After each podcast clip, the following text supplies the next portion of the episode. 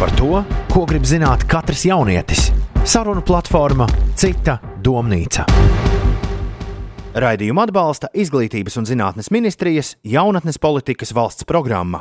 Es sveicināts piecēlvē ētrā un arī piecēlvē YouTube kanālā. Ja tu šo skaties, tad zini, ka raidījums Citonmīca ir gaisā un mums uz papēžiem nu jau min labdarības maratons dod pieci. Jau rīt 17. decembrī dod pieci ciklu studijā Doma laukumā dosies iekšā trīs piecēlvē DJ - Mārta Grīgala, Toms Grēviņš un Magnus Eriņš. Šajā gadā mēs labdarības maratonā runājam par paliatīvo aprūpi un ziedojumi tiek vākti tiem, kam šī aprūpe ir nepieciešama precīzi precīzāk um, maratonā, un tā laikā runāsim arī par pārtiku, kas ir īpaši nepieciešama cilvēkiem palietīvajā aprūpē. Maratona sauklis ir rūpes dzīves beigās ir tikpat svarīgas kā dzīves sākumā. Tādēļ šodien citā Donīcā runāsim par to, kas um, sako dzīves beigām. Tā ir nāve. Ir skaidrs, ka cilvēkiem šis vārds un arī pats notikums var likt justies iebiedētiem, var likt izjust šausmas un um, izjust un domāt ļoti daudz domas par to, kas tas ir, kas ar mani notiks. Ir arī cilvēki, kuri vispār nevēlas par to runāt un, protams, nevēlas par to domāt. Šajā reizē mēs mēģināsim risināt, kādēļ tas tā ir un kā tas atsaucas gan uz jauniešiem, gan uz bērniem, jo ir svarīgi runāt par lietām, bet cik daudz mēs par šīm lietām varam runāt un stāstīt, lai iespējams netraumētu kādu citu cilvēku, un vai tomēr eh, traumēšana nenotiek brīdī, kad mēs par to nerunājam, izliekamies, ka nav kā tāda neeksistē. Lai risinātu šo te raidījumu, mēs esam aicinājuši studijā pievienoties mums eh, mūziķi Māru Man Holsteins. Sveika! Sveika, sveika, sveika visiem! sveiki visiem! Sveika, Māra! Sveiciens arī Rēnim Lilajam, kurš ir medicīnas students, aktīvs citas domnītas klausītājs un viens no cilvēkiem, kas eh, atsaucās aicinājumam runāt par tēmatu nāve. Sveiki! Un sveiciens arī pusauģu resursu centra psihologam, kurš sniedz bezmaksas palīdzību Emīlam Udrim. Labdien! Esam šeit satikušies, lai runātu par nāvi, kas nav tas um, pozitīvākais un iespējams košākais temats, par ko pirmsvētku laikā runāt. Tomēr, tojoties 25, par to ir jārunā. Un tādēļ es vēlos no jums dzirdēt tādu kā piemēru par to, kas jūsuprāt ir nāve. Kā jūs izskaidrotu šo notikumu? Man ļoti bieži bērni prasa, kas ir nāve.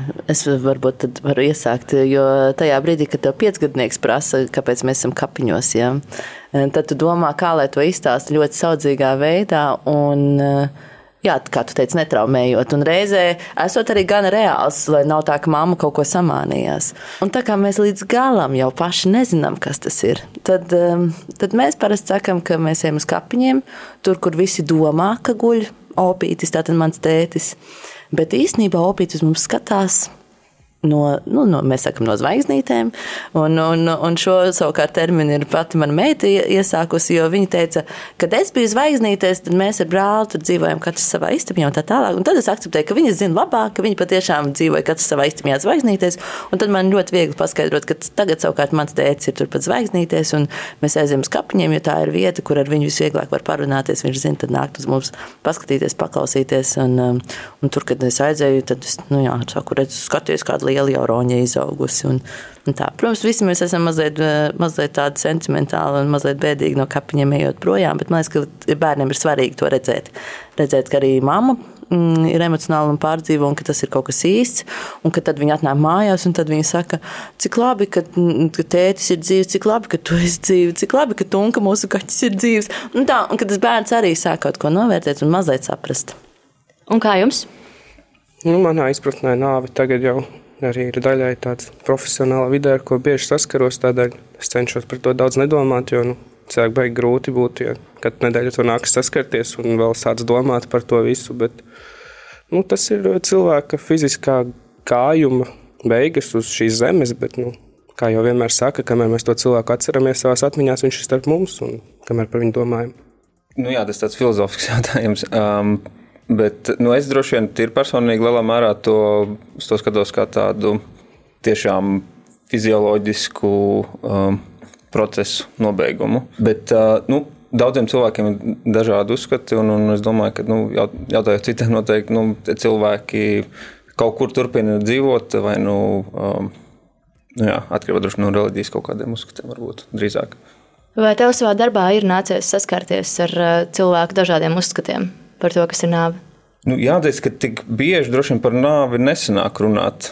Um, es teiktu, ka visticamāk, jā, bet konkrēts piemērs man tāda nenāk. Jā. Kā jūs uh, saskarāties ar nāvi? Tu saki to, ka tev jau tā principā ir tāda daļa no darba, bet kāda mm. iespējams bija tā, nu, tā pirmā reize? Nu, pirmā reize darbā vidē ir tas, kā es nezinu, bieži vien saku, to tu atcerēsies visu laiku, bet ar katru nākamo maiņu, kad to redzi, kad tu to sastopi, tas kaut kā notrulinās. Nu, tas vairs neatstāja nekādas emocijas, tā arī tam jābūt. Jo nu, citādāk vai nu izdegsi, vai arī būs ļoti liela emocionāla pārdzīvojuma, būs grūti strādāt. Bet, nu, tās pirmās reizes atceros, bija emocijas, bija varbūt neliela vainas, apzi, nu, vainas apziņa, jo ir sajūta, ka nu, varbūt es kaut ko varēju darīt. Kaut arī nu, tur, tur viss bija skaidrs pēc gan prognozes, gan ārstu teiktā. Mārķis, kā ar tevi, ja es pareizi atceros, 2016. gads bija tāds emocionāls smags. Jūs vēl uh, rakstījāt arī uh, pieci Latvijas maratona himnu, un tad tas viss tur uh, apkārt norisinājās. Jā, sakrita 2016. gadā dziesma nepārlaužams, kur es rakstīju vārdus, un, un uh, sasaisties viss kopā arī ar manu tēta aiziešanu. Uh, es uh, uzķēros savukārt uz uh, Rēņa uh, sacīto par to, ka tu ar laiku notrūlinies Es redzēju to personālu, kas eh, strādāja uz, ap manu tēvu slimnīcā. Bija reizes, kad es biju tik nikna, un kad es, vien, es pilnīgi es teicu, atceros to, saku, nu jā, es saprotu, es saprotu fiziski, ka um, personālam ir ļoti smagi un nav jau varianti, kā distancēties. Bet es beigās es kļuvu nekaunīgs, vienkārši staigāju te vienai sanitārai vienkārši aiz muguras, kamēr viņa atnāks, ja viņa nenāk. Viņam tur neko nevajag. Mums nav laika, mums ir citi svarīgākie, jo visiem vajag tagad. Un es vienkārši biju muša, vienkārši vilkos viņai. Es, es saku, labi, es pagaidīšu, un es stāvu viņai pie pleca, kamēr viņa beidzot norēģē norēģēs un tiešām atnāks pie manas tēva, ja ir kaut kāda procedūra, ko es nemāku, ko es nevaru izdarīt. Tā ir. Um, jā, kas ir interesants. Es biju domājis, ka šodien jūs pirmā emocija, ko man izvilksiet, būs kaut kāds liels sentiments un skumjas par to, bet nē, bet pirmā emocija man tagad ir dusmas, jo es reāli atceros tos, tos pārgrušos um, cilvēkus, kas ir blakus, un um, viņi, diemžēl, ne visi ir atsaucīgi. Jā.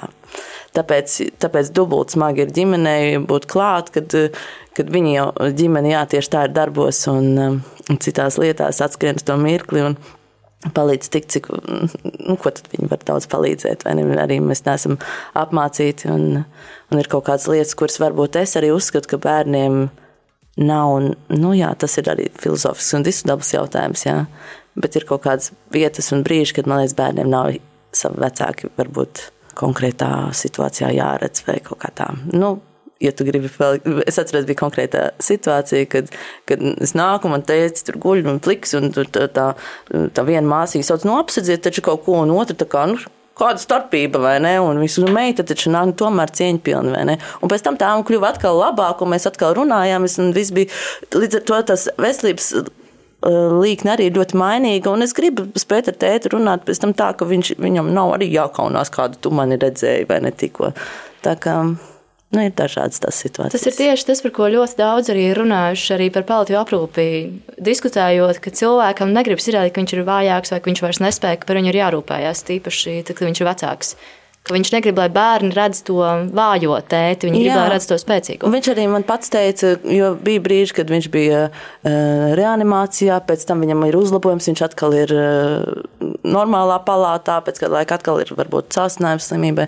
Un viņš, uh, viņš arī teica man, cik smagi tas ir, tu nevari iztēloties, es iekšā jūtos vēl jauns, bet ķermenis man ir pievīls jau. Un es domāju, ka prātā viņš visu laiku bija joprojām gatavs jokot un, un nu, visu laiku ar mums runāties.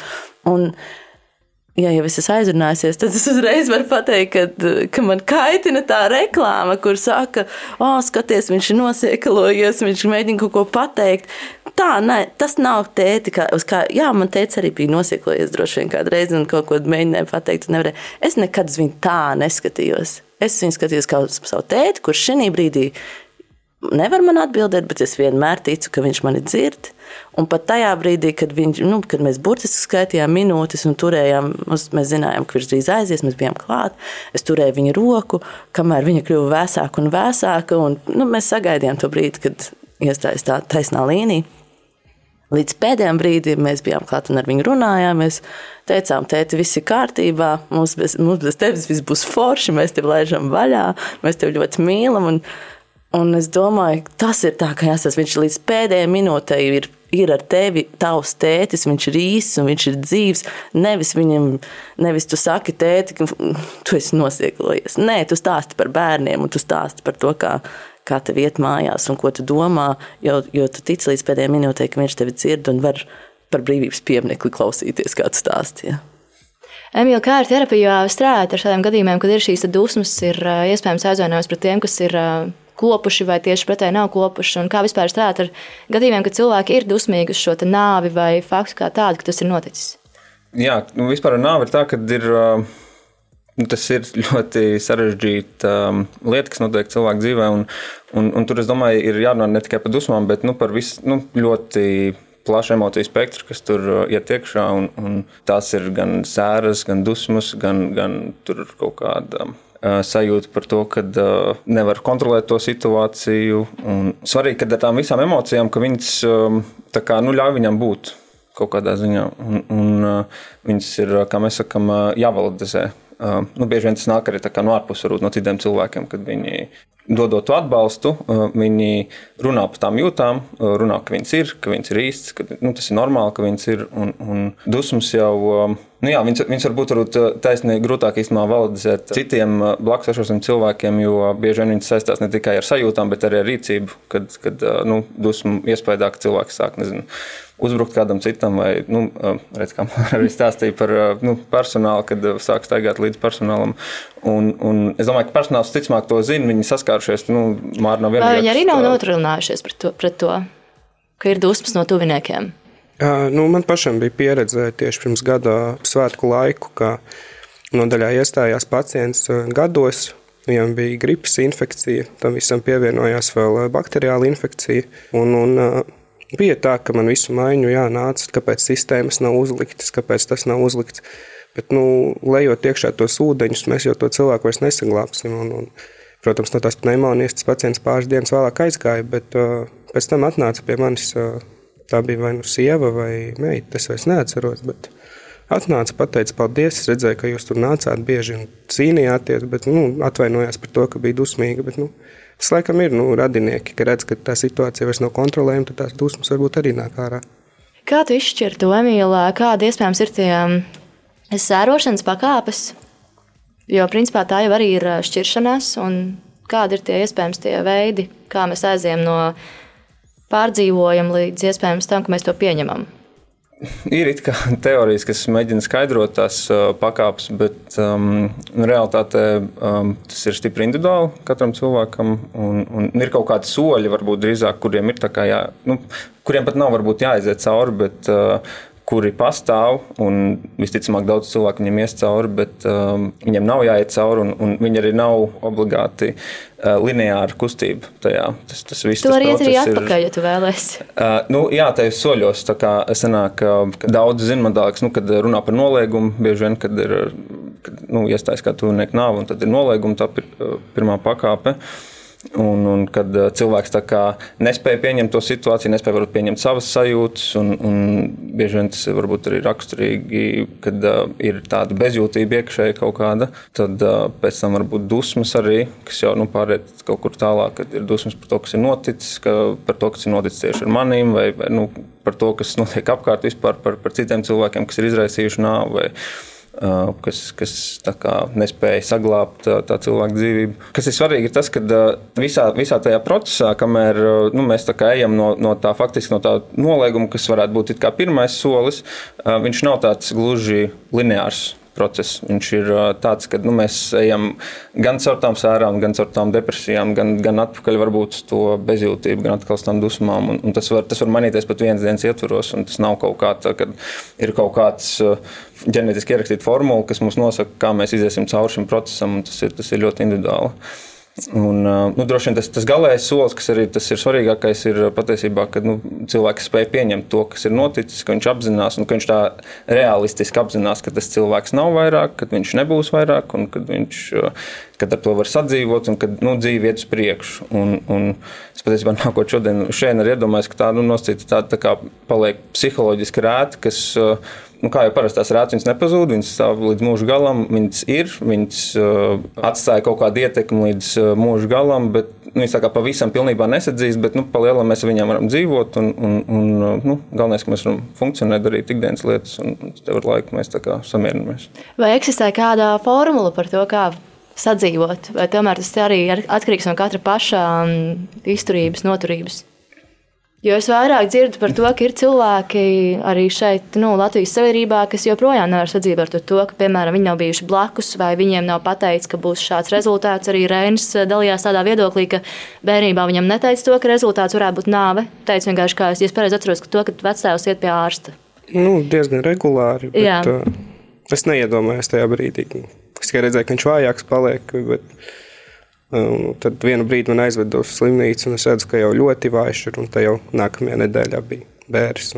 Tad es uz brīdi kā, bija pat kā, dusmas. Es pat nezinu, uz ko, vai uz vecākiem, vai ko, ka man tā kā patiesību nepateica. Jo nu, man tad bija, man liekas, 13, 14. Nu, man likās, es varēju zināt patiesību tajā, tajā brīdī. Uh, nu, uh, formula droši vien liekas, nu, viena no atslēg, atslēgām slēpjas mūsu tautas gudrībās par to, ka uh, laiks dziedē viss rēts. Uh, nu, kas varbūt nav obligāti viss rēts, bet nu, tam ir nepieciešams laiks. Un, tīpaši runā par sērām, par aiziešanu, par nāvi, tad um, laiks ir tas, kas ir uh, nepieciešams visiem. Un, un tas arī, arī atšķirās ļoti individuāli. Kādam tas ir ātrāk, kādam ilgāk. Un, un, uh, Ta, tas droši vien būtu tas primārais, ko ir jārēķinās, ka tas nav kaut kas, ko var izdarīt. Nav kaut, nu, kā bieži vien ir ar fiziskiem simptomiem, kad var būt kaut kāda zāles iedzert vai tur, nezinu, uzlikt plaksteri vai kaut ko, kas palīdz kaut kā uz to mirkli apturēt to akūto situāciju. Bet ar, ar sērām ir tā, ka ir nu, tas laiks nepieciešams, kamēr tās iziet cauri visiem tiem procesiem. Kā jau mēs teicām, nu, kā es teicu, vairāk tie soļi un, un nu, katram viņi ir individuāli. Un, un faktiski tas ir mums kaut kā tas ir jāpārgramo vienkārši. Kā jums ir bijis, eh, tev Māra un arī tev Rēni, kā jūs esat eh, sadzīvojuši ar to? Tieši, tieši tā kā ar sērām? Jā. Tajā gadījumā, par kur runājam tikko iepriekš, eh, bija tā, ka man vajadzēja būt spēcīgam, jo tajā brīdī vecmāma atbrauca dzīvot pie mums. Es domāju, nu, neizrādīšu tās emocijas, un tās pāris dienas, kad bija kāds mājās, es nu, centos to izturēt sevi. Un tad vienā dienā, kad nebija neviens, vienkārši gulēju gultā, raudāju, domāju par to visu, atcerējos. Jo nu, man vecāks bija ļoti, ļoti iedvesmojošs cilvēks. Būtībā ļoti pietrūkst. Iemācīja man braukt ar mašīnu 12 gados. Nu, ļoti daudz tādas pozitīvas atmiņas ir. Un, un, un izraudājos to vienu dienu. Tad bija tās bērres, bet nu, tagad tas viss ir tāds, nezinu, bittersvīt to visu atcerēties, protams.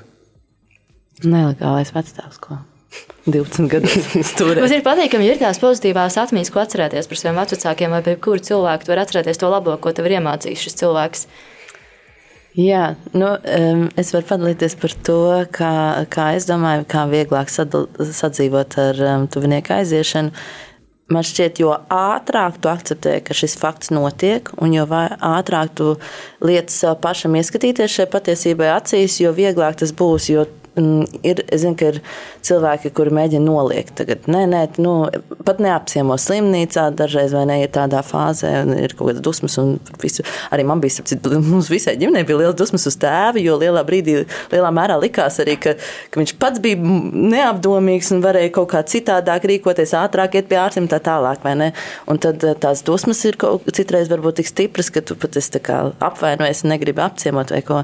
Es, eh, es noteikti nepiekrīstu šādam šādam variantam. Es biju bieži pie sava tēva. Viņam tāpat likās par mazu, un tie slimnieki kolosāli māki tevi iedzīt vainas apziņā. Jo viņi taču tevi gaida katru dienu, bet vai to katru dienu var atbraukt? Nu, tu centies, bet nezinu, vai katru dienu, vai es nevarēju katru dienu atbraukt. Un, un tad, tad atbrauc un tikai uz pusstundu, jo šodien es varēju tikai uz pusstundu, un tad teica, kā, bet tik, tu jau brauksi prom, tu tikko, un tad domā, pats, bet es vispār izrāvos no visiem darbiem, jā, un, un tas ir grūti, jo tas slimnieks pēkšņi viņa dzīve rit pilnīgi citā tempā, nekā pilnīgi visiem apkārt, un mēs nevaram savu dzīvi apstādināt, bet tas, ko mēs varam, ir nu, izdarīt maksimumu, kas nekaitē, piemēram, manā gadījumā maniem bērniem, jā, un uh, es, uh, kad, uh, kad teicu, slimoja, un, un arī, kad viņš aizgāja, tas bija diezgan garš periods, ko viņš pavadīja slimnīcās. Eh, faktiski divu pusgadu garumā tas lēnām notika. Un, un tad eh, es biju gan gaidībās, gan tikko dzemdējusi, un, un tad nu, nebija šī iespēja visu laiku būt blakus. Bet, bet es gribu teikt, ka tas laiks blakus um, ko es eh, biju pie tēva, bija kolosāls un svētīgs, jo tas arī bija laiks, kurā es paspēju izrunāt daudzas lietas. Un bija lietas, kuras man bija mazāk drosme viņam teikt, un tās es teicu tajās reizēs, kad viņš, nu, tas slikti tā teikt, bet tās es teicu reizēs, kad viņš neatbild. Tad es sadošojos izstāstīt visu, kas man ir uz sirds. Un tad citreiz, kad teica arī bija mm, pie labākas veselības un varēja atbildēt, tad es cēlu, nu, kur nu es gribētu, un, un uh, lai viņš man atbild. Un bija kaut kādas lietas, kas man no bērnības bija kaut kādas dusmas, un mums bija kaut kādas trakākas strīdi bijuši un tā tālāk. Un, Un tad bija kaut kāds jautājums, ko es viņam arī prasīju, vai ne? Piemēram, viņš bija uztaisījis savā lielajā jubilejā prezentāciju Mana dzīve ar fotografijām. Un šajā prezentācijā bija viņa dzīves biedre un visi ceļojumi, un mēs bērni bijām kādās divās bildēs, un viņa dzīves, un mana māma nebija nevienā, un es biju tik nikna, un es saku, Tēti, tiešām, tiešām nu, tu nevarēji māmu ielikt nevienā bildē, ja? Un, vai tiešām mēs esam tik maza daļiņa? Un teica, ai, Piedod, nē, tas tā nebija domāts. Man vienkārši bija pēdējais vakars, sametu bildes, kas man bija kompī, pārējās ir otrā datorā. Es vienkārši, man vienkārši nebija laika tur meklēt tās bildes. Es vienkārši gribēju, lai kaut kas iet fonā. Savukārt es biju ņēmis to nenormāli pie sirds, vispār drausmīgi apvainojusies, ka mēs viņam tātad nebijām svarīgi, lai liktu šajā prezentācijā. Un kaut kā tāds sīkums, bet mēs izrunājām šo ainu, kas man bija jāatpār milzīgs rūgtums. Tātad es neesmu bērns svarīgs, ja, bet Un tad viņš savukārt pasakā no savas puses. Un es domāju, ir forši, ka tu izrunā tos rūkumus, atvainojies par to, ka 14 gados sakliedzi uz viņu nu, no sērijas. Un, jā, tas ir laiks, ko paņemt sev, lai arī cik tas ir smagi un, nu, un uh, smagā situācijā, bet es domāju, labi, ka šis laiks mums tāpat bija dots, lai arī grūtos apstākļos. Paldies jums par jūsu viedokļiem līdz šim brīdim. Radījums ir domnīgs atgriezīsies pēc brīža piecēlē ētrām, bet tagad dziesma sarunu platformā Cita domnīca. Saruna platforma Cita domnīca ir atpakaļ piecēlē ētrā. Protams, sveicienu arī tiem, kas iespējams nu jau šajā brīdī skrien skatīties šos piecēlē YouTube kanālu, lai redzētu Māru, Reini un Emīlu, kur ir šeit. Un mēs eh, turpinām runāt par nāvi, sērām un visu, kas ar to ir saistīts. Runājot par jums pašiem, vai jūs atceraties to pirmo reizi, kad jūs saskarāties ar nāvi, vai tas bija bērnībā, bērnībā vai pusauģu vecumā? Kāds bija tas pirmais, pirmais notikums? Es pirmo reizi tā īsti, nu ne īsti, es pat neteiktu, tas bija ļoti mazs, man liekas, bija 5 vai 6 gadi. Kaut kāda attālāka tante bija laikam nomirusi, un mēs bijām ciemos. Es vispār neko nesapratu, kas, kas tur notiek.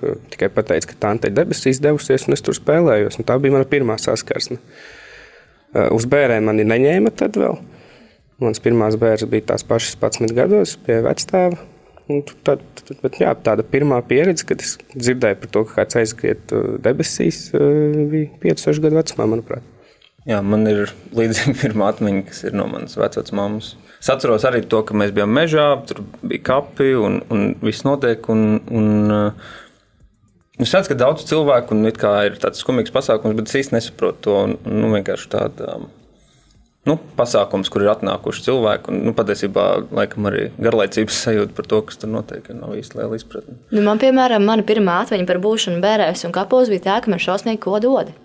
Man nebija tāda izpratne par to, kas tur notiek. Es vienkārši atceros sajūtu, ka man ko žodis, esmu kapos, kaut kas notiek. Pēc tam pieaugušie sēž pie galdiem un nevis svin, bet sēro un tāpat laikā izskatās pēc pasākuma. Jā. Es domāju, ka vairumam bērnu, vairumam pieaugušo, kas, kam ir atmiņas par bērnību, vairumā tās būs līdzīgas, vai ne? Jo vecāki jau mums mēģina tomēr pasargāt, un, un arī pavisam mazos bērnus mēs neņemam līdzi uz bērēm, un, un tad vecākos jau, jau izvērtējam, kurā brīdī var pie, piesaistīt klāt. Tāpat tās es kā mamma rīkojos, bet uh, mana pirmā atmiņa par nāvi bija Ziemassvētku laikā, 6. Tātad, decembris, jā, Svētais Nikolais nāk liek zābaciņā šokolādi. No rīta manā zābaciņā bija beigta pele. Lūk, es saprotu, tas ir ļoti nu, neadekvāti pieminēt. Tas ir sarunā, bet man tas bija nenormāli kaut kāds tāds pārbīlis, un, un es visu mūžu te baidos nevis no pelēm tieši, bet no beigtām pelēm. Un, uh, es domāju, ka tas kaut kur nozīmē, ka tas, ka tas zvērs ir tur nācis un meklēs ar šokolādi un tā, bet, bet tas, ka viņš tiešām ir beigts, kaut kur, nu, kaut kas jau tur, pal, kaut kur tas palika. Un pēc tam, kad es gribēju kāmīšus un visu kaut ko, tad es sapratu, ka viņš drīz nomirs, jo kāmīši tik ilgi nedzīvo un tāpēc vairs negribēja. Jo man tomēr ir vēl no šī momenta, kad tev viņš, nu, ko tu tur viņi darīs, jā, bedī vai kā. Un, um, Jā, tā ka es domāju, ka, un es domāju, ka tādām arī jābūt bērnu sajūtām par nāvi, ka tev visvairāk var nobiedēt kā mīša aiziešana, un tev nav jāpārdzīvo par to, ka man meita vienu dienu sāk uztraukties, ka, nu, kad pēc tiem kapiņiem viņa, protams, viņa, viņa teica, jā, cik labi, ka mamma dzīve teica, dzīves un tā, un tad viņa prasīja, vai mēs būsim dzīvi visu dzīvi. Un es teicu, ka nebūsim, diemžēl, un tad viņa uztraucās. Es teicu, neuztraucies, tas būs ļoti, ļoti, ļoti ilgi. Un man liekas, ka bērniem tam ir jātic, ka tas būs Un priekš viņiem tas būs ļoti Bērniem ilgi. vēl nav jādomā par to, ka ar viņu vecākiem kaut kas varētu notikt, vai jāstraucās par to.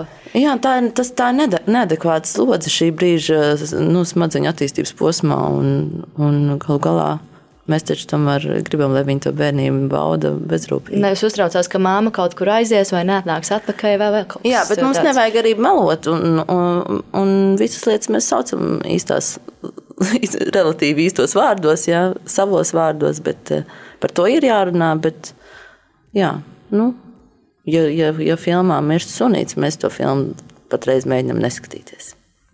Jums droši vien iet garām ļoti daudz uh, filmu par sunīšiem, jo man šķiet, ka tas ir viens no tiem uh, motīviem vairākās mm. filmās par uh, ģimenes mīluļiem, ka beigās tu jau visi raud un, un, un viss ir slikti. Jā, nu, Peppa Pig ir tagad vairāk aktuāli. Jā, Tur viss ir kārtībā. Nekas tāds nenotiek. Jā. Un es domāju, mēs labprāt pavilksim šo garāk, cik var bērniem. Bet, ā, nu jā, tas, ko es gribēju piebilst par to, ka ir droši vien svarīgi ar um, bērniem, nu jā, kad ir, tā, kad ir par to realitāti tomēr. Nu, kad, uh, ja vecāks ir vesels un nav, nav kā pamats būt aizdomām par to, ka kaut kas varētu notikt, tad, uh, nu, palielam par to, protams, nav vērts runāt īsti, nu tā, iet baigās detaļās. Bet, um, nu, ja notiek reāla situācija, tad, protams, tad jau ir, um, nu, um, tad nevajadzētu melot bērniem. Faktiski. Es piekrītu, es domāju, ka vecāki neviens nedrīkstētu arī slēpt, jo tas ir dubult liels, kā, es, kā tu minēji, savu vecstāvu piemērs. Man liekas, ka tā ir trīskārši smagāka trauma, ja tas notiek tik pēkšņi, un tu neesi tam gatavots. Jebkurai sliktai lietai, ko mēs zinām, ka tā notiks, tāpat tās kā mēs bērnu laicīgi gatavojam, ka viņi arī labai lietai, bet priekš viņa mazliet sliktai, ka viņš sāks iet dārziņā galu galā. Ja? Jebkuram lielam dzīves uh, pārdzīvojumam tev tas cilvēks ir jāgatavo, citādi viņam nodara divreiz smagāk. Jā. Ja mēs no bērnu vecuma nokļūstam pie pusauģiem, kāda ir viņa attieksme pret? Emīlija, iespējams, tev ir bijusi pieredze arī tavā profesionālā darbā. Nu, jā, ja tas skatās vispār nu, uz to bērnu un jauniešu attīstību, tad, um, nu, kas man nāk prātā, tad lielā mērā tās divas galvenās lietas, kas mainās, ir tās viņu spējas saprast par to, kas vispār ir nāve, un, un spējas varbūt arī nu, patiesībā mm, kaut kā izjust tās emocijas, varbūt izjust arī viņas kā in- individuālākas. Uh, Kas varbūt atšķir pusauģus no bērniem, ir tas, ka um, viņi, viņi jau spēj daudz labāk arī saprast par to, kas ir nāve, kad viņi ir neatgriezeniski, kad, kad, uh, nu, kas notiek ar uh, to cilvēku, ka viņš vairs nejūt un tur nepuks sirds. Un, un, un, nu, viņi, uh, nu, faktiski lielā mērā kā pieaugušie parasti jau izprot to, kas ir nāve. Un viņiem ir arī nobriedusi tā viņu limbiskā sistēma, kas ir um, faktiski viņa emocijas ir pašā uzplaukumā, un, un uh, par spīti tam, ka viņiem ir šī, šī nobriedušā emocionālā sistēma, viņi, uh, viņiem pietrūkst spējas ar viņu rīkoties. Viņiem nav tas, uh, nu, kā saka, tā priekšā smadzeņu daiva, kas ir tā, tas, kas tā atbild par mūsu to spēju kontrolēt, nu, negluži kontrolēt savas emocijas, bet viņas apzināt un, un, un kaut kādā veidā uh, pārstrādāt viņas. Tas ir tas, kas viņiem trūkst tajā vecumā, un tāpēc viņiem ir diezgan spēcīgas tās emocijas, bet viņiem trūkst uh, faktiski savu iekšējo resursu uh, vai savu zināšanu arī patiesībā tāpat laikā, kā ar to visu tikt galā. Un, un plus viņi ir fiziski nobrieduši, un, un viņi mēdz, nu, viņi var, viņi var ļoti dažādi uzvesties. Nu, viņi var, protams, par to runāt, kas, ir, kas būtu tas labākais variants noteikti, ja, ja, ja par to var runāt, kas, protams, arī ar bērniem ir, ir labs variants, ko runāt. Bet līdzīgi kā bērni, viņi var savas sēras izpaust uzvedībā kas var būt uh, paškaitējoša, agresīva, seksualizēta uzvedība arī. Un, un, nu, kaut kādā ziņā, jeb, jebkāda uzvedība, kas kaut kādā ziņā viņus uh, nu, izsit no rāmjiem, kas, kas uzreiz liek manīt, ka nu, tā nav gluži tipiska uzvedība, um, tas var būt arī izraisīts no sērām un vielu lietošana tā skaitā. Jā. Principā destruktīva reakcija pret sevi, rīcība pret sevi. Varbūt, jā, tam nav obligāti jābūt, bet, bet nu, ņemot vērā, kā, kāds ir tas vecuma posms, kad nu, it īpaši viņiem trūkst tas atbalsts no malas, tad tas tā var gadīties, jo viņiem pašiem tie iekšēji resursi nu, nav tik daudz tajā vecumā, lai viņi ar to tiktu galā. Un, un, ja viņiem trūkst tas atbalsts no malas, tad viņi var iesaistīties tādās destruktīvās uzvedībās. Paldies! Tev. Reina laikā, kad um, aizgāja tavs vecāks, ja to tā var. Um, dēvēt. Tu teici to, ka jā, tu turējies, tu cieti, un pēc tam raudāji, vai tam bija arī kaut kādas tēlošas sakas tam, ka tu biji tik ilgi turējis iekšā to pārdzīvojumu? Nu, es neteiktu, ka bija kaut kas tāds tālējošs. Tā bija tā viena diena, kad es nu, izlikos viens pats toreiz gultā guļot. Un jā, par, par iepriekš teikto varu piekrist. Es ar vecākiem nerunāju par to visu. Es patiesībā pat draugus pasaucu ārā, pateicu, kas noticis. Viņi mani atbalstīja, un mēs tikai savā starpā to visu izrunājām. Jo man kaut kā negribējās ar vecākiem. Es nezinu, kāpēc. Nu, man bija bail savas emocijas atklāt. Vai nebija tā, ka tu biji dusmīgs uz vecākiem arī savā ziņā? Nu, man bija tās mazas lietas, tur, ka es neko nezināju, un tad, tad, tad tas tik pēkšņi atnāca. Nu, būtībā es nedēļu iepriekš redzēju, ka ir tā tāds diezgan smags stāvoklis. Bet jā, tālāk ejoši es, es neteiktu. Es tajā brīdī handbolā trenējos, un es tās emocijas treniņos liku. Nu, vairāk skrēju, tad agresīvāk spēlēju. Handbols agresīvu spēli, tā kā tas palīdzēja. Nu, mācīju kaut kā tās emocijas izmantot savā labā vairāk nekā nu, destruktīvi. Tu mācīji viņus izlikt ārā. Nu, pareizajā vietā izlikt būtībā. Es tam citu varu piekrist arī Renim jā, par to, ka uh, pusauģiem jā, tas ir viņu tā, arī pretruna, kad viņiem, lai arī tas atbalsts vajadzīgs, ir viņi. Uh, no vecākiem vai tuvākiem viņi taisa mēģina tajā vecuma posmā um, atsvešināties. Un, nu, viņi kļūst par pieaugušiem, un, un tāpēc bieži vien tie vienaudži ir patiesībā daudz tuvāks tāds atbalsts. Arī. To mēs uh, reizēm apskatām, jā, ka brīdī, kad ir kaut kādas problēmas, netiek runāts ar pieaugušajiem. Vecāki nav tas, kuram pakritīs, pabakstīs pie plāca un paprasīs, ko man darīt. Tas varētu būt tieši savējie, kas ir draugi. Tas ir saistīts ar to, ka cilvēks izlido ārā no tās līgas pēdiņas un dodas, grib būt patstāvīgāks. Nu, jā, tas ir da daļa no tā. Nu, protams, ir nu, dažādas situācijas, varbūt tiešām ir iesaistīts kaut kādas emocijas vai notikumi, kas nezinu, apzināti vai neapzināti pusaudzis viņus piedāvā vecākiem, un tāpēc viņš viņiem nevēlas runāt par, par kaut kādu konkrētu notikumu. Bet, uh, Bet jā, nu, lielā mērā arī tas, ka nu, tas ir tas vecuma posms, kad nu, viņi kļūst no bērniem pa pieaugušiem, un viens no tādiem, tādiem svarīgākajiem um, punktiem ir tas, ka viņi kļūst kaut kādā ziņā neatkarīgi no viņiem. Un, un tas tā skaitā ir ar kaut kādiem emocionāliem pārdzīvojumiem. Un, un, uh, tā var būt tīpaši ar, ar nāvi, jā, kad nu, viņi varbūt nav gatavi īsti dalīties ar to visu ar saviem uh, vecākiem, bet nu, ir vairāk gatavi dalīties ar uh, vienaudžiem. Es gan domāju, ka pienāks laiks tāpatās, kad viņi dalīsies ar vecākiem, bet nu, iespējams tas nebūs pirmais avots, pie kā viņi ies. Es nebiju pusaudzis, ja, bet es varu pateikt, ka man bija ļoti forši un svarīgi runāties ar saviem brāļiem tajā brīdī.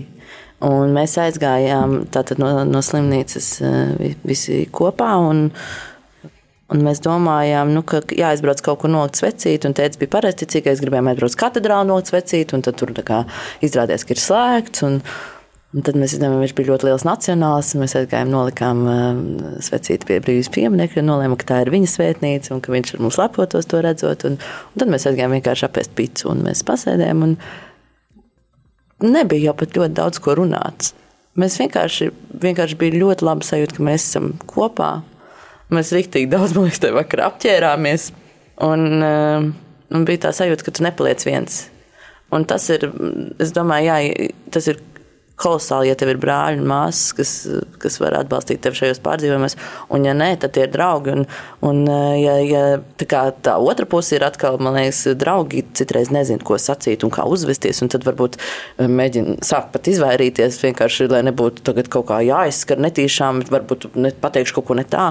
Man liekas, ka nav par to jābaidās un jādomā. Un tev visbiežāk pat neprasīs, lai tu runā par šo smago tēmu. Tajā brīdī vienkārši vajag, lai tu esi blakus un lai nejūties eh, palicis palicis pavisam viens vai nezaudējis šo vienu cilvēku.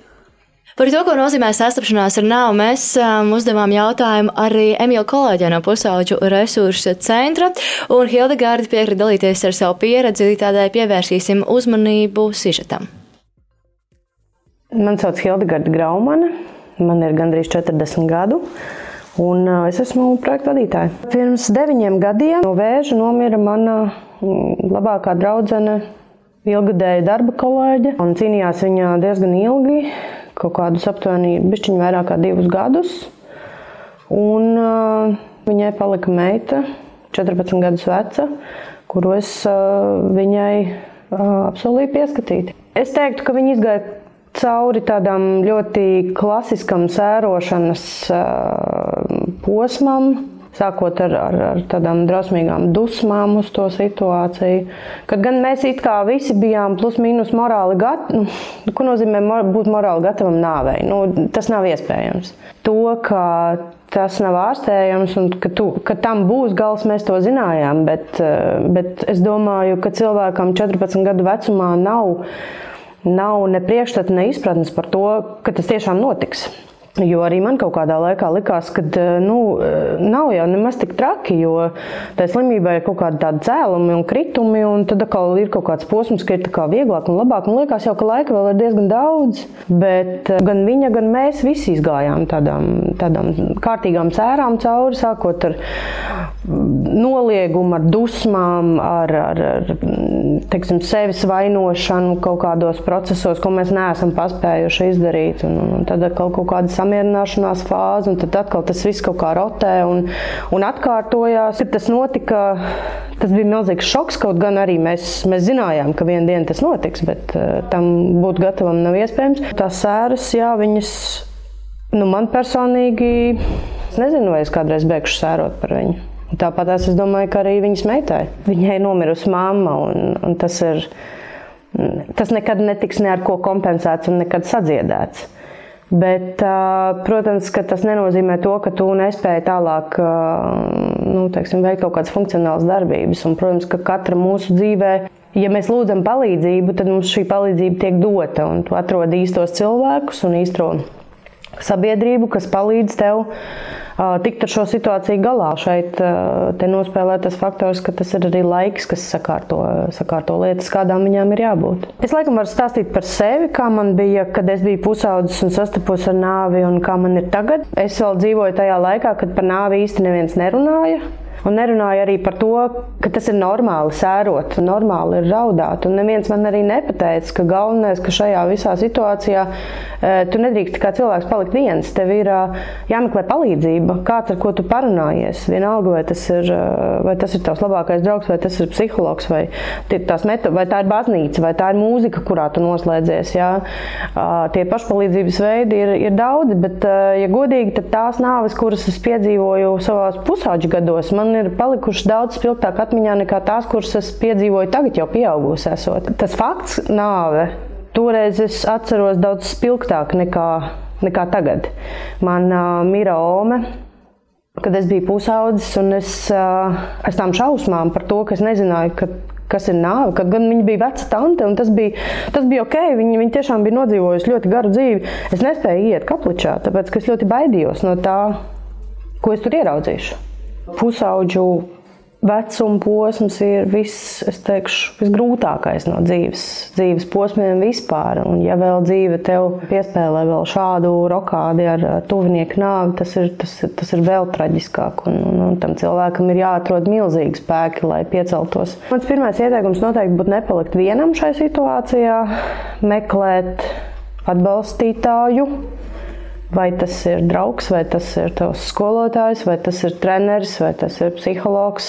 Un patiesībā jau tādas drošas metodas, kā tam tikt pāri, tas ir ļoti individuāli, kā cilvēks ar to dīlo. Bet laikam vienīgais, kas palīdz šai situācijā, ir laiks. Tas ir tāds neizbēgams process, kad tu sastopies ar nāvi, kad tev tam būs jāiet cauri. Cits ar to tiek varbūt ātrāk galā, cits, cits ilgāk. Bet man liekas, ka pirmkārt ir, jā, ir jārunā jārunā nost viss, viss tas, kas ir sakrājies, jārunā. Man ir, man ir patiešām ļoti iedarbīga metode, ko es pielietoju ne tikai tad, kad aiziet mani draugi, vai, piemēram, kad man ir kāds teiksim, emocionāls pagrimums, tas ir fizisks darbs. Priekš manis darbs ir man, mana pašpalīdzības metode. Un tikai tad, kad es esmu fiziski nogurusi, tad lēnām sāk arī normāli funkcionēt mana galva, mana psihiskā veselība. Būšana blakus, tas ir pats svarīgākais. Un, eh, protams, ka, ja cilvēks nav gatavs par to runāt, neko arī, nu, neko ne ar kādām stangām to nevarēs izvilkt laukā. Ir jāgaida vienkārši tas brīdis, kad būs tas un kad viņam sāks nākt, un, ta, un tad ir jābūt blakus un jāpalīdz viņam. Jā, bet, eh, bet piespiest viņu runāt par to, tas nav iespējams. Lielas paldies Hildegardai no Pusauģu resursu centra par viņas sniegto viedokli un komentāru. Kā jums šķiet, kāda ir tā situācija mūsdienu Latvijā un mūsdienu Latvijas, Latvijas sabiedrībā? Nāve ir kaut kas, par ko mēs runājam brīvi, vai tomēr mēs vēl kaut kur baidāmies par to runāt, vai tomēr tā ir kaut kāda paudžu atšķirība, kā kurš par to runā? Man liekas, ka tas ir um, ne tikai Latvijā, bet nu, vispār cilvēkiem. Tā ir viena no tēmām, par ko nu, īsti negrib runāt cilvēki. Un pat pieaugušie cilvēki savā starpā, man liekas, nevienmēr ir gatavi par to runāt un, un dalīties. Un kur nu vēl vairāk, ja vajag stāstīt saviem bērniem, un, un it īpaši situācijā, kas varbūt ir tagad pienākusi, kad, kad kāds tuvinieks slimo vai nu, kāds no vecākiem, piemēram, ir. Jā, man liekas, ka tā ir ļoti sarežģīta situācija, kur, kur pašam jātiek galā ar sevi un, un kur nu vēl mēģināt bērniem to visu izstāstīt. Tā tēma Nu, es domāju, ka iekšēji visticamāk cilvēki grib izvairīties no viņas vienmēr, bet uh, nu, par viņu vajadzētu runāt. Nu, es, es arī laikam piekrītu manā vecumā. Tā kā man nav ko viedokli teikt, tad es domāju, ka mēs pamazs runājam par šo tematiku. Es varu tikai piebilst, ka nu, es otru vecāku zaudēju pirms pāris mēnešiem. Viņam jau uz savu vecumu bija tāda nu, tā humoristiska attieksme pret to visu. Viņš pasmējās. Viņam tur, eh, viņš tur staigāja vienreiz pa kapiem, un viņam prasa, kur, kur guldīt vai ko. Viņš pasmējās, man taču vienalga, es jau tā jau man vairs neinteresēs. Kā, nu, tas, tas ir jūsu eh, kompetence. Jā, tas ir kaut kas, ko esmu dzirdējusi arī apmeklējot vienu no pasākumiem, kas tieši runāja par nāvi un bērniem. Tā bija bērnu pasaule. Tur tika minēts, ka visvairāk sāp tiem, kas ir palikuši dzīvi, nevis tam, kurš ir miris. Jo viņš, nu, Viņš nav tas, kuram sāp visvairāk. Vairāk sāp tiem, kas paliek šeit un redz visu to, kas ir noticis. Bet eh, līdz ar to jautājums eh, no manas puses jums ir, kā cilvēkiem pieņemt to, ka nāve ir neatņemama mūsu dzīves sastāvdaļa. Jo gal galā mēs esam piedzimuši, mēs kādreiz arī mirsim. Kā varbūt atbrīvoties no tām bailēm no nāves vai run, bailēm runāt par nāvi? Es saprotu, nezinu, vai vajag vairāk runāt par nāvi. Es nepiekrītu puišiem. Godīgi. Man liekas, ka tā nāve tāpat atnāks un tev nāksies tajā brīdī par to runāt. Un eh, vai mums ir vajadzīgs par šo domāt vairāk, kā mēs domājam? Mums par to ir jādomā, tad, kad mums par to ir jādomā. Jā, ir labi zināt, nu, ka visi zina, ka cilvēki, nu, skaisti mēs vedam bērnus uz kapiņiem, ņemam līdzi, mēs ņemam viņus līdzi visās svarīgās lietās, un viņi redz to dzīvi, viņi saprot, ka vectēvs ir aizgājis, saprot, ka tātad um, šeit mēs noliekam ziedus, mēs pieminam viņus, un tad, kad būs īstais laiks, viņi būs principā redzējuši to, bet es nedomāju, ka to vajag uzsvērt vēl vairāk. Tāpat ir nu, ļoti daudz, taču multenes sākas ar nomirt karalis ar karalieni, un tad palika princese vai ne? Nu, Frozen klasiskais. Ja. Un, Es nezinu, vai vajag vēl vairāk kaut kā viņus tagad gatavot. Jā, bet atcerieties, mēs ar tēti arī nomirsim. Nē, tas būtu traumatiski. Tas būtu traumatiski. Jā, jā, nu es, biju domājis, es biju domājis runāt vairāk tādā ziņā, kad uh, nu, vispār runāt, tā, kad pienāk tā situācija, vai ir kaut kā nu, tajā vidē, brīdī, protams, jā, kad jā. vidē ienāk šī tēma, nu, neatkarīgs, nezinu, vai tas ir varbūt sarunā, vai tas varbūt ir nu, reāli kaut kas notiek, kaut kāds notikums, mm. bet nu, tajā mirklī neizvairīties no tā. Par to gan un, es piekrītu uz visiem un, simts, jā, nu tad mēs esam ne, mazliet varbūt.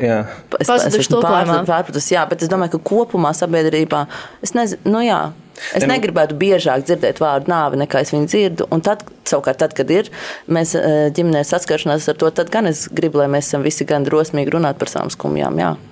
Nu jā, man liekas, tas ir tas mirklis, kad, varbūt, nu, kad tas prasa tādu drosmu un uzdrīkstēšanos par to runāt. Jo nu, ir, ir kaut kāda iekšējā pretestība, nu, tomēr saskarties ar, ar tām sajūtām un to tēmu. Un, un, un kas būs pa jautājumiem, un vai varēs atbildēt. Nu, kā, nu. Varbūt drīzāk es aicinātu runāt vairāk vispār nevis, nevis konkrēti par nāvi, bet vienkārši mēģināt nu, arī konkrēti bērniem mācīt noformulēt savas emocijas. Ir liels, kas tās emociju grāmatiņas. Es jūtos tā, it kā es gribētu dziedāt, es jūtos tā, it kā es gribētu stāvēt uz galvas, es jūtos tā, it kā es gribētu raudāt. Un, un, un tad es bieži vien arī nu, jā, mēģinu palīdzēt saviem bērniem noformulēt jau tagad, tu esi dusmīgs, jā, nu, Nu, tad stāsti par ko tu nu, piemēram, viņš pieaugs un viņš būs spējīgs nu, pateikt, es esmu dusmīgs. Jā, jā. es esmu dusmīgs. Jā, un, jo varbūt tā ir lielākā problēma, ka mēs neesam iemācīti runāt par emocijām vienkārši vispār. Neesam iemācīti, eh, ka ir pieklājīgi stāstīt par ko tu nu, jā, par ko tu bēdājies, un, un vispār uzticēt kaut kādas savas pārdzīvojumus, un,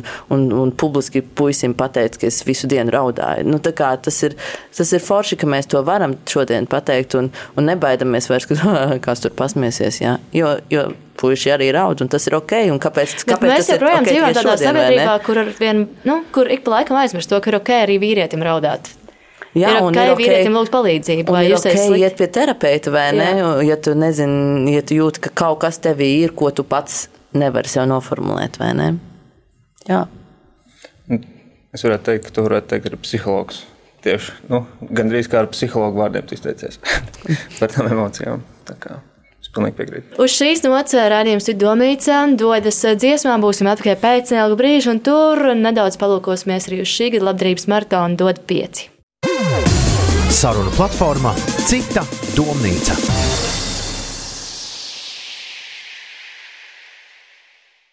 Saruna platforma Citonīca ir atpakaļ pie CLV. Un atgādinu, ka pie mums šajā dienā ir Māra, Reinis un Emīls, un mēs runājam par nāvi. Nāve būs vārds, kas noteikti atskanēs arī labdarības maratonā dod pieci. Tur arī sauklis, kā jau minēja raidījuma sākumā, rūpes dzīves beigās ir tikpat svarīgas kā dzīves sākumā. Dod pieci šajā gadā runās par palietīvu aprūpi, arī to mēs esam aplūkojuši. Atgādinu to, ka citas domnīcas raidījuma ieraksts YouTube joprojām ir aplūkojams, kur trīs maratona dīdžai runā par paliatīvo aprūpu, savu pieredzi labdarības maratonā un iespējām, kā arī to, ko viņi sagaida no šī gada labdarības maratona. Kādi ir jūsu komentāri par paliatīvo aprūpu un vispār pārdomas par šo dot pieci tematu? Man liekas, ka tā ir tēma, kas ir jāpaceļ, par kuru ir jārunā, kurai vajadzīgs ir vairāk finansējums. Jo, nu, man liekas, vēl pāris gadus atpakaļ runāja par to, ka Latvijā ir ļoti zemā līmenī tas viss ir attīstīts. Par to runā joprojām. Un, un uh, mans personīgs viedoklis, arī redzot to, ka manā nodaļā dažkārt nonāk pacienti, kurus vajadzētu palitīvā nodaļā aprūpēt, speciālistiem palitīvās aprūpes, ir tāds, ka vajag būt iespējām uh, palitīvā nodaļā vairāk pacientiem ārstēties. Viens no cilvēku viedokļiem ir, ka trūks šo speciālistu. Nav cilvēku, kas varētu aprūpēt tos, kuriem ir nepieciešama šī klātbūtne, vai pabažot, vai kaut vai uh, pagrozīt, lai nav izgulējuma. Varētu būt tā, jo nu, tas, manuprāt, arī ir smags. Nu, medicīna jau pat, pat par sevi ir smags novirziens, un vēl lieta nozarē, kur tur, tur reti var sagaidīt pozitīvu iznākumu. Tad man liekas, tā, tas arī ir nepiesaistos. Man liekas, lielāko daļu to speciālistu tur iet. Jo es pats sev ar, nu, man būtu grūti iztēloties strādāt tādā nodaļā un tādā aprūpē, jo nu, tas tiešām varētu būt emocionāli smagi. Iespējams, jūs zināt, kāds ir tas procents, kas. Um Vai var teikt, tiek ārā no paliatīvās aprūpes? Mm, nē, esmu par to informēts un arī nezinu. Bet, nu, visi pacienti, kas ir bijuši mūsu nodaļā, kur rakstīts, ka ir slikta prognoze, nu, tad tā prognoze arī ir slikta. Neatminos gadījumu, ka jābūt atvesaļojies. Kāds ir jūsu viedoklis? Vai jums ir pašiem bijusi saskarsme ar pal paliatīvu aprūpi? Es uh, noteikti gribu piebilst par, par tiem um, darbiniekiem, jā, ka tas ir īstenībā diezgan tāds. Nu, spēks izsmeļošana, nu, gan spēks fiziski, gan, gan, gan psiholoģiski. Nu, tie cilvēki ir nu, gan jāprūpē, gan tur bieži vien nu, nu pamperi jāmaina, vai, vai vēl kaut kā. Un, un, manuprāt, viņiem trūkst bieži vien tā arī ārēji atbalsta kaut kādu. Jo nu, viens tas, ka ir kaut, kā, kaut kas, ko ģimene var nest, bet nu, vai ģimenei vajadzētu uzņemties arī to visu atbildību par to, ka viņiem darba vietā ir nu, jāstrādā ar tādām grūtībām.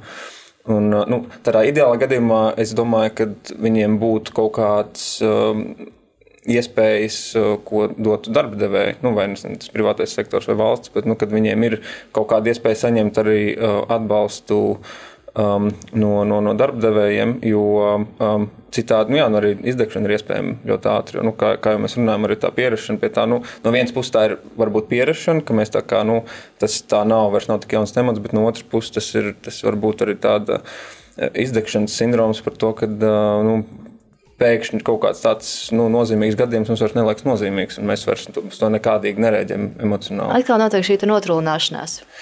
Nu, jā, Izdegšana nu, un notrūlināšanās pret situāciju. Nu, jā, jo, jo viens būtu droši vien viņu saprast un spēt pieņemt, nu, kad mums tās emocijas joprojām ir, bet mēs viņām varam sadzīvot. Bet no otrs ir tas, ka reizēm var būt tā, ka vienkārši nu, mēs viņus nošķeļam faktiski nost, un mēs viņus tā kā nu, cilvēks vairs nejūt, nu, kas, kas bieži vien raksturīgs tieši pie izdegšanas. Un, Manuprāt, kad tajā paliatīvās aprūpes sistēmā, kā jau minēju, arī trūkst tas darbspēks, un, un bieži vien ir tas lielais sloks uz tiem darbiniekiem, un, un ir uh, um, nu, smagi viņiem, un, un esot viņiem smagi, protams, arī ir pašiem um, pacientiem, uz, uz pašiem pacientiem tas kaut kādā veidā um, atspēlēs pēc tam. Kā ir cilvēkam, vai tomēr psiholoģiski nav, psiholoģiski nav grūti arī tas, ka tu strādā nodaļā, kurā tu zini to, ka labi iznākuma nebūs? Tu jau rēķinies kādu atved, tu vienkārši zini to, ka nu, tas ir viss tā, ir, nezinu, pēdējā nedēļa. Nu, noteikti. Tas tas varbūt tāds nav izteikti labs salīdzinājums, bet nu, kaut kādā mērā man nāk prātā. Nu, kā ir, kad cilvēks strādā tais, nu, kaut vai es, kur dzīvnieks audzē? Kad, nu, kāpēc runā reizēm par to, ka viņiem nu, tur, tur ir kaut kā tāda uh, agresīva uzvedība, ka viņi kaut kādā veidā nu, ir grūti sadzīvot ar to, ka tas dzīvnieks tur ir, ka viņš mirst, ka viņš tiks nogalināts, un pret viņu tik un tā uzturēt, izturēties tā kā humāni un, un, un turpināt nezinu, rūpēties par viņu labklājību un izjūtām. Un, un, manuprāt, nu, līdzīgi procesi ir arī tajā paliatīvā aprūpē, kad ne tīpaši jā, ja tas cilvēks mirst, tad nu, ir, ir kaut kādā ziņā tāda disonance, man liekas, ja, ja regulāri jāsaskarās ar tādiem cilvēkiem, kad zina, ka nu, iespējams, nu, tieši no ārsta viedokļa, kad, kad zina, ka uh, tam cilvēkam izredzes ir ļoti maz un, un uh, viņš ir viens no daudziem, kas jau pie maniem nāk ikdienā. Un, un, nu, Mēģināt saglabāt to veselīgo attieksmi un, un, un saglabāt tās emocijas sevī. Un, nu, varbūt nevienmēr tas ir vajadzīgs. Nu, reizēm ir svarīgi, ka tas, mēs varam nodalīt tās emocijas, bet tomēr es domāju, ja tas daudzums ir liels, tad ir, nu, tas var atstāt ietekmi noteikti uz, uz pašiem cilvēkiem. Un, nu, es domāju, tieši sliktā ziņā.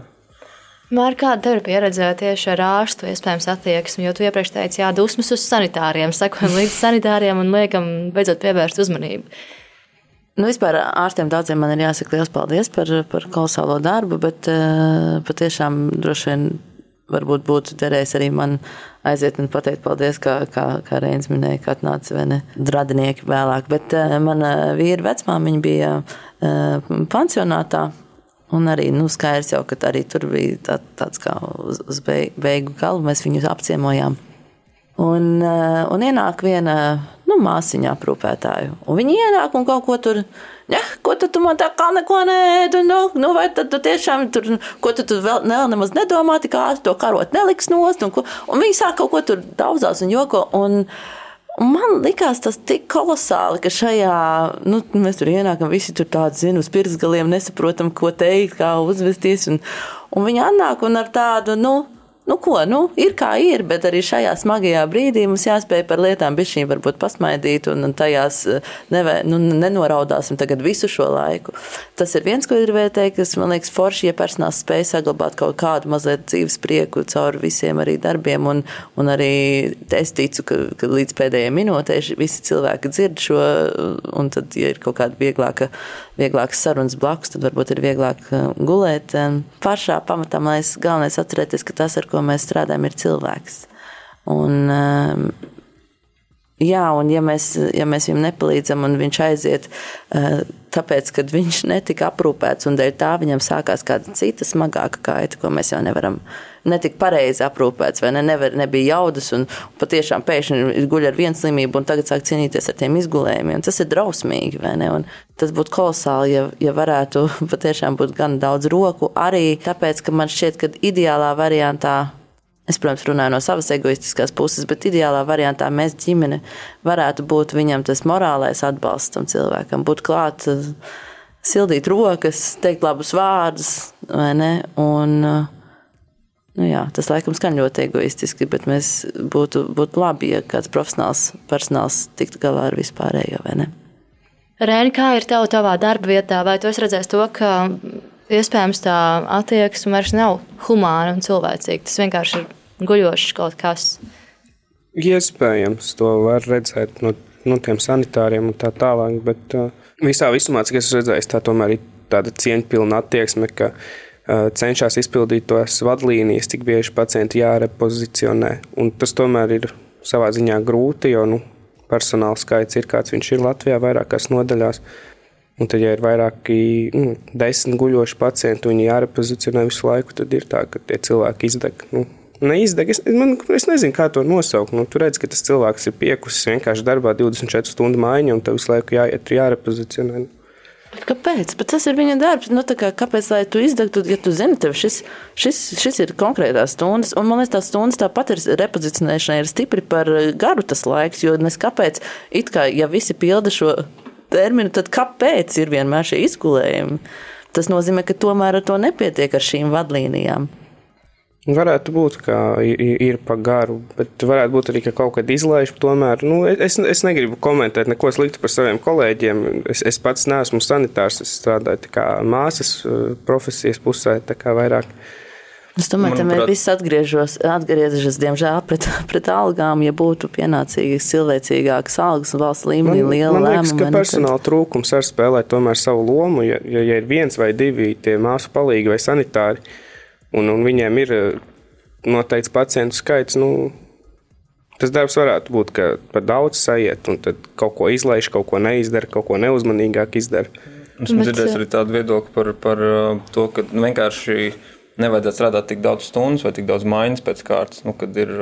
Nu, ne, vienkārši neatrasties tik daudz tajā vidē. Nu, tādā ziņā, kas arī ļautu, protams, vieglāk pašam kaut kā atkopties. Mm. Un, manuprāt, bieži vien, kad nu, ja kādreiz arī kāds atsaucās kaut kādā negatīvā gadījumā, tad, manuprāt, tas jau drīzāk nevis raksturo to cilvēku vai nu, viņu kā personību, bet, manuprāt, nu, drīzāk to situāciju, varbūt, kas, ko viņš pats nes arī. Un kad reizēm vienkārši nu, grūti panest tiem cilvēkiem, nu, kas strādā ar, ar palietīvu aprūpē, kad grūti panest visu to ir. Un, uh, nu, jā, kaut kādā mirklī varbūt viņi neizpild visu, ko no viņiem sagaida. Bet nu, tas nav. Manuprāt, nav tā, ka viņi ļaunprātīgi domā, ka tā ir. Ir tomēr, nu, mēs šobrīd veidojam arī šīs video intervijas ar cilvēkiem, kam ir bijusi saskaršanās ar palietu aprūpi, vai tie būtu vecāki, vecāki vai bērni pat. Un cilvēki mēs stāstīt arī par to, ka labi ir šīs desmit dienas, ko viņš var pavadīt nodaļā, pēc tam viņu, nu, ja viņam ir 18, plus, viņam vienkārši liek, nu, atbrīvojot vietu nākamajam, ejiet uz mājām.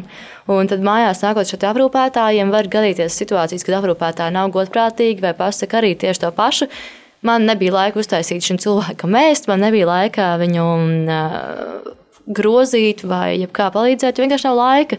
Ir laiks atnākt apskatīties, iedot zāles un viss, un tad beigās par šiem aprūpes profesionāļiem kļūst ģimene, jo nav vienkārši variantu, kā vispār kaut ko izdarīt. Un tādēļ tās puses ir ļoti dažādas, man šķiet, ka tieši labdarības maratonā dod 5, mēs tās visas arī varēsim kaut kā apskatīt un salikt kopā, kur īsti slēpjas tā problēma. Un, ja tu šo skaties un klausies un domā, kas tad īsti notiks labdarības maratonā dod 5, jau rītā 3-5 LV DJ Marta, Toms un Magnus dosies iekšā stikla studijā, tepat Doma laukumā, un labdarības maratonā dod 5, kas veltīts neārstējiem slimu cilvēku dzīves nogalai un palietīvās aprūpas sistēmas sakārtošanai spēlēs dziesmas par ziedojumiem. Bet tagad uh, citā domnīcā laiks mūzikai, un tad jau mēs atgriezīsimies pie secinājumiem un atgriezīsimies arī pie galvenā un vadošā šīs reizes temata - nāves. Saruna platformā Cita domnīca.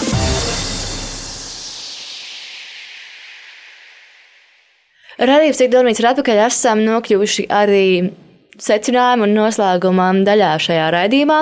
Atgādinu, ka šeit ir Mārta Holsteina dziedātāja, ir Reinis Lielais, kas ir medicīnas students un kuram pēc pusotra gada sāksies rezidentūra, kā mēs šeit aizētarijā noskaidrojām, un ir arī psihologs Emīls Udrs. Esam nokļuvuši līdz secinājumiem, un skaidrs, ka nāve ir kaut kas, ar ko katrs no mums sastapsies, vai tā būs mūsu dzīves fināla daļa, vai tas būs kaut kas, ko mēs redzēsim sev apkārt, vai vienkārši zināsim, ka kaut kas tāds ir noticis. Esam šajā redzījumā runājuši par to, ka nav vienkārši kaut kādā brīdī jārunā par nāvi, bet ja tas noteikti ir vērts par to diskutēt, vai vismaz bērniem vai pusaudzim izstāstīt atbilstoši vecumam, kā, par, kā, kā tas ir, kā tas notiek, un varbūt nestāstīt gluži pasakas. Bet runājot par nāvi, Dot 5. Mūsu kolēģi no multimediju daļas sagatavoja ļoti labu uzskatāmu top 5 lietas, ko cilvēki nožēlo pirms nāves. Un šajā infografikā var apskatīt to, ka ir um, kaut kam būtu pieticis drosmes dzīvot pašam savu dzīvi, kaut būtu pieticis drosmes atklāt savas jūtas, kaut nebūtu tik daudz strādāts, kaut būtu uzturēti kontakti ar draugiem un kaut būtu šis cilvēks ļāvis justies sev laimīgākam. Tas viss ir no palīdzības aprūpas speciālists un rakstnieces Bronijas Vēras izdotās grāmatas. Es varu nokomentēt. Jā, lūdzu. Kaut kas nebūtu tik daudz strādājis, noteikti nav par manu tēvu. Jo viņš gulēja slimnīcā un sauca man palīgā, un brāli palīgā. Viņam vēl darbu, darbus uh, kompija pabeigt, un viņš bija Viņš mīlēja savu darbu un strādāja līdz pēdējai dienai, ko varēja. Es domāju, ka tas viņam palīdzēja iet cauri arī slim, slimībai, ka viņš uh, turpināja un turpināja strādāt. Līdz ar to Es domāju, ka varbūt šie ir nu, visbiežākie, bet tas noteikti nav attiecināms visus. Eh, uz visiem viennozīmīgi. Un es savukārt, arī patiesībā neesmu dzirdējusi īsti tādus, protams, varbūt ir lietas, ko noklusē. Jā, un, un savukārt par jūtām, tas tur gan, um, es gribu pateikt, ka baigi forši šis nav. Uh, nav precīzi, bet uh, forši bija tas, ka mēs ar tēvu izrunājām ļoti daudz pēkšņi atzināmies, vienkārši jūtās. Un viņš teica mums, cik ļoti viņš mūs mīl un cik mēs viņam svarīgi. Un tā kā visu dzīvi varbūt viņš šos vārdus tā neteica. Un mēs ne, neesam no tiem, kas skaļi saka šādas lietas, varbūt bijuši ģimenē, bet um, tas tādā ziņā, jā, tas laiks, kad apzināties, ka tev nav vairs daudz, tas tev iedod to drosmi. Tad jautājums ir, kāpēc tev nebija drosme šādas lietas, kuras tev ir tik svarīgi īstenībā pateikt, kāpēc to neesteicis biežāk? Kā jūs komentējat, vai mainās cilvēku vēlmes tad, kad nāve ir pavisam tuvu? Ja mēs redzam šādu sārakstu ar lietām, ko nožēlo, vai tas tiešām viss atnāk tikai brīdī, kad saprot to, ka viss tūlīt būs viss. Man nav personīgas pieredzes, lai es varētu nokomentēt šo. Man liekas, tā, tā īsti. Nu, tāpēc, ka es nezināju, pirmkārt, jau kaut vai par to savu vecāku stāstu, tāpēc arī nezināju, kā viņam varēja mainīties tās viņa vērtības. Mēs nu, diskutējām, es atvainojos. Jā. Uh, Jā, nu, mēs diskutējām ar tēvu par to, kas ir vērtības. Un kaut kas bija pateicis, ah, nē, es viņam atnesu kaut kādu ne gluži šarmā grāmatu, bet kaut ko tam līdzīgu, lai viņš pirms, pirms trausmīgi tā teikt, bet lai viņš padomā beidzot vai nepārvērtē, kā viņš domā, un, un, un, vēl jau mēs cerējām, ka viņš atvesļosies, vai ne, un lai viņš varbūt mazāk strādā, vairāk sev mīl un tā. Un, un tad viņš bija izlasījis, ka ir slikti būt konservatīvam, un tad viņš man prasīja, Es vienmēr esmu domājis, ka konservatīvisms ir mana labākā īpašība, viena no labākajām. labākajām. Un tad mēs diskutējām, un mēs iekristām šādās visādās filozofiskās sarunās. Un, um, jā, varbūt, varbūt es no tā puses pieminētu, ka pirms nāves viņš secināja, ka mēs baigi maz zinām eh, no tām lietām, ko viņš zina konkrēti par dzimtu, par nezinu, Latvijas vēsturi. Viņš bija liels vēsturnieks un daudz lietas, kuras par kapiem viņš tā arī neviens cits nekad vairs nezinās. Tik daudz, ko viņš visu zināja. Man liekas, ka viņš ļoti pārdzīvoja visvairāk, nožēloja to, ka viņš nav paspējis nodot savas zināšanas. Jā, man kas nāca prātā, ir um, mana vecā māma, kurai tagad ir 90 gadi paliek līdās. Un, uh, Nu, lai arī viņai eh, nav prognozes par to, ka viņai vajadzētu kaut kad drīzumā iestāties nāvē, tik un tā, nu, viņai laiks, eh, ja ir, nu, dzīve ir pa lielam pagājis, un viņa pat to apzinās, un viņa daudz par to arī runā. Un vienīgais, kas man jāatzīst, es nezinu, kāds viņas vēlmes bija jaunībā, agrāk, bet, bet vismaz tas, ko viņa stāsta, viņai ir, ir, ir tieši kā reiz par to darbu Viņa, viņa min par to, ka viņa ir pārstrādājusies un ka nevajag, un, un, un visu laiku atgādina man par to, ka nevajag tik daudz strādāt. Un, un, un, nu, tas ir varbūt kaut kas, ko viņa, manuprāt, pārvērtē.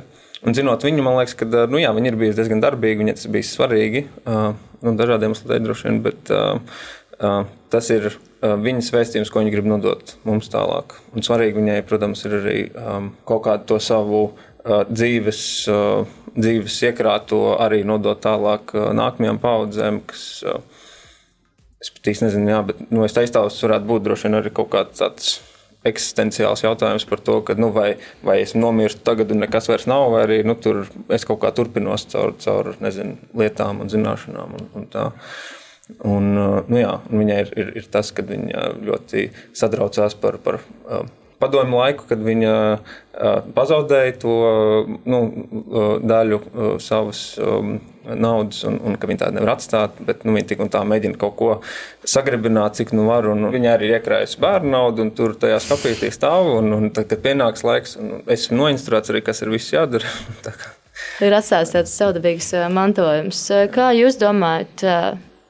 Kas jāstāja mantojumā? Jā, kas jāstāja mantojumā. Par to, par to vai tās ir tikai sarunas, vai tās ir lietas, vai tā ir kaut kāda pieredze? E, jā, par to pieredzi nodošanu visu. Es Instagramā uzlicu reklāmiņu, un es nodomāju, baigi interesantā lieta, um, kur ir tāds kā albums ar dažādiem jautājumiem, ko jautāt saviem vecākiem, nu, vai vecākiem, ja viņi ir gados. Un tādā veidā, tā kā katru reizi, piemēram, kad aizbrauc ciemos, tu aizpildi šos jautājumus, un tu pieraksti viņu dzīves stāstu, un um, kaut kādas vērtības saglabājas, attiecīgi, ko var pēc tam lasīt mazbērni, un tu uzzini daudz ko vēsture paliek. Un uh, mazliet man, uh, man liekas, ka jā, mana caurā galva, viss, ko man teica, tik daudz ko kolosāli ir stāstījis. Un, un tagad nožēloju, ka tas par to otru ausu ir izskrējis ārā, vai ne? Un es nespēju atstāstīt vairs saviem bērniem. Un varbūt savukārt mans. Uh, mans vīra vectēvs atstāja šādu grāmatu. Ža, ža, Žaņa, Žanis Holsteins, mans dzīves stāsts. Viņš tādu uzrakstīja. Un es domāju, katram vecākam būtu kolosāli. Nu, un tas atkal ir tas smagais, redz, ja tu sāc jautāt.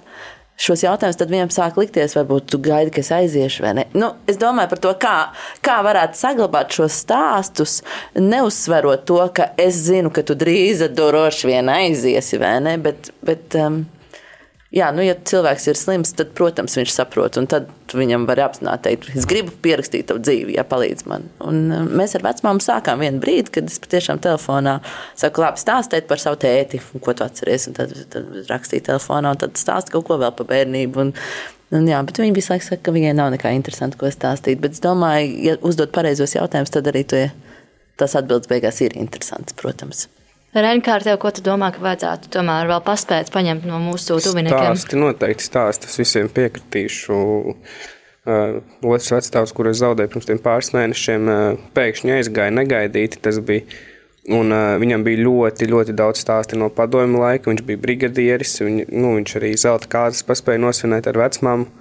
Un, uh, viņš tur zelta kāzās apkaunojuši stāstu par manu tēti, pateicis mm. par tēta brāļiem. Uh, Un tas viss, kā, nu, es atceros, ka bija kā fakts, bet nu, nekas no tā vairs nav palicis atmiņā īsti. Un, un arī bija vienmēr runas, vajadzētu to visu ierakstīt, vajadzētu uz, uzrakstīt mm. grāmatu. Un tagad nu, vairs nav nekas, nu, nav nekas pierakstīts un nav, nav ko saglabāt.